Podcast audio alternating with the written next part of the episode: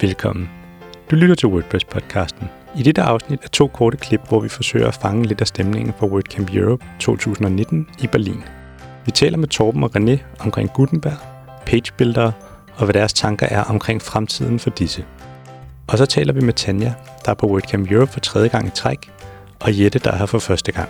Vi kommer ind på Gutenberg, hvad de tager med sig, og hvorfor de tager til WordCamp. Vi har lige hørt uh, Matt Mullerwake holde sit uh, europæiske version af State of the World Summer Update, som man kalder det. Og uh, Torben Vinter, vi tager lige hele navnet, så vi er med, og uh, René Seiling står lige foran os. Vi skal lige høre jeres uh, take på hans uh, input. Hvad, hvad fangede jeg mest? Torben? Jeg synes, det er jo spændende at høre med blog editor, fordi det er jeg ikke selv koblet så meget på endnu. Jeg bruger page meget. Men jeg må indrømme, at det gør indtryk, og jeg er lidt spændt på, hvordan page builder, hvad skal man sige, svarer tilbage på de, den udvikling, editor, eller Gutenberg har lige nu. Ja, og René, gælder det også dig? Er, det, er du bekymret? Det er ikke, man siger, at jeg er bekymret, men det ser bestemt interessant ud. Jeg har heller ikke arbejdet super meget med Gutenberg endnu, og jeg har faktisk slet ikke, ikke, ikke prøvet det til nogen sider. Men jeg synes, det havde nogle ting, som så mega spændende ud og meget interessant, og som de gjorde også bedre end nogle af de pæspillelser, jeg har arbejdet med i hvert fald. Øhm, så jeg tror, at fremtiden på det bliver, bliver spændende at følge med i. Det er, det er helt sikkert. Og det er bestemt også noget, jeg skal kigge nærmere på. Det er ingen Så jeg, jeg kan høre, at uh, I er sådan to pagebuilder øh, fyre. Det vidste jeg jo selvfølgelig godt. Ja. men, øh, men så det er ligesom øh, problemet. Er der andre ting end, altså nu var det jo meget fokuseret på, på, på Gutenberg, men hvad med sådan den tekniske side af, af sagen med API'er, som han snakkede om? Nu var jeg ikke så meget med API. Jeg, var, jeg synes, der var et spørgsmål om øh, tilgængelighed, som jeg synes er, som jeg jo altid synes er vigtigt, men jeg synes også, det er svært, men jeg kunne ikke rigtig fornemme, om der, der er nok nogen, der ikke synes, der bliver gjort nok i forhold til Gutenberg, men måske også WordPress i almindelighed.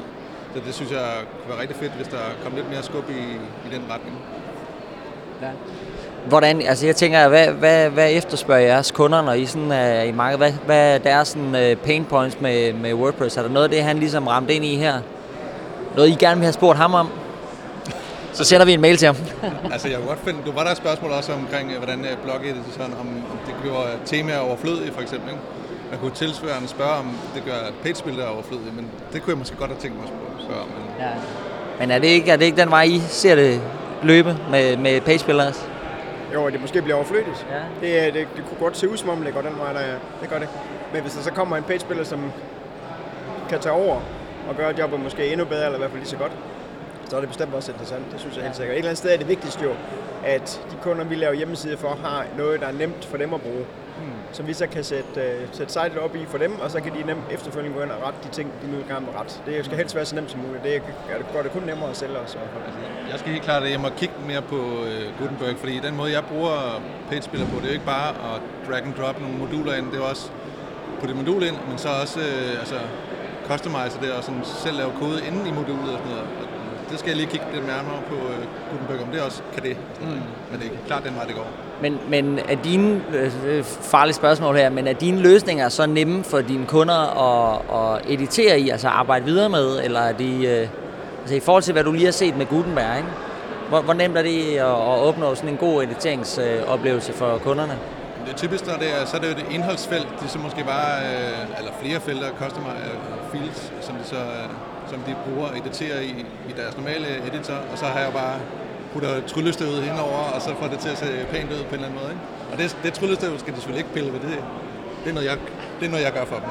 Okay, vi, fordi nu er jeg bare introduceret jer med, med navn, men det kan være, vi lige skal have, hvor, hvor kommer tryllestøvet fra, øh, René? Hvad, hvad hedder Vixen? Det hedder reneseiling.dk. Jeg har været så intuitiv at bruge mit eget navn til mit firma, så det, det, er jo, det, er jo til, det er jo til at finde på. Ja, så du, du er nem at finde, men, men øh, her vinder. Ja, du? Jeg, jeg vil gerne være anonym, øh, derfor hedder jeg bare Torben fra webfronten.dk.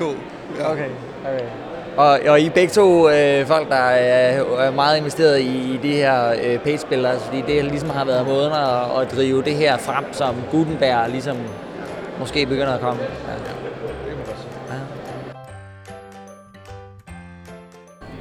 Tanja og Jette. Nu er vi sådan ved slutningen af dag 1. Og hvad tager I med jer sådan fra dag 1 af her på WordCamp? Jeg tager med mig, at jeg skal kigge, at det nu er tid til at kigge på Gutenberg. Meget mere, end jeg har gjort før. Jeg har bare overvejet Gutenberg og tænkt, det skal jeg til lige om et øjeblik. Men jeg kan godt mærke, at nu er det nu, jeg skal det. Det jeg tager med, det er nok mest også noget med Gutenberg. Øh, sammenhængen mellem, at man rent faktisk kan bruge sin page builder sammen med Gutenberg. Og bruge dem på kryds og tværs. Det vidste anede jeg ikke, man kunne, men øh, det skal jeg hjem og kigge noget mere på. Og hvor mange gange har I været på WordCamp før? Det er min øh, tredje gang, det her. Jo. Tredje gang i træk, eller... Ja, faktisk tredje gang i træk.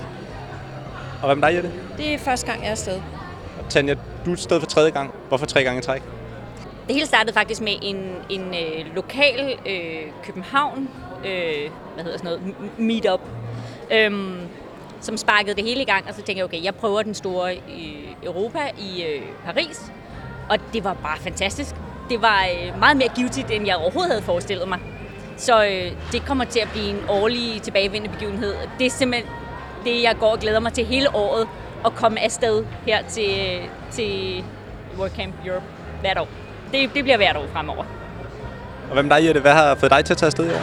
Nu har jeg hørt så meget om det øh, fra andre, øh, når man mødte os på danske WordCamps, øh, så jeg tænkte bare, nej, nu, nu skal jeg afsted, og det er helt sikkert ikke sidste gang.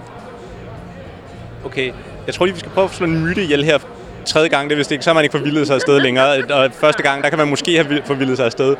Men der er jo sådan den her fordom om, at WordCamps er primært for særlige mænd og nørder. Og vi lige, I vil nok ikke klassificere jer selv som mænd, det tvivler jeg på, men I vil klassificere jer selv som nørder. Helt klart, og jeg er stolt af det. Jeg har været nørd i mange år, og det bliver jeg ved med at være. Det, sådan er det. Men jeg tror også sagtens, man kan være her, selvom man ikke synes selv, man er nørd. Fordi der er noget for enhver. Og hvad med dig, Jette? Jamen, øh, jeg ser også mig selv som en nørd, men det, med også lige, det jeg blev overrasket over, det var, at jeg tænkte, om, jeg, nu skal jeg ned og høre en hel masse om WordPress. Der er utrolig meget om indhold. Nu har vi lige hørt et øh, oplæg om øh, SEO og øh, mobiltelefon, øh, hvad hedder det, mobilsites osv.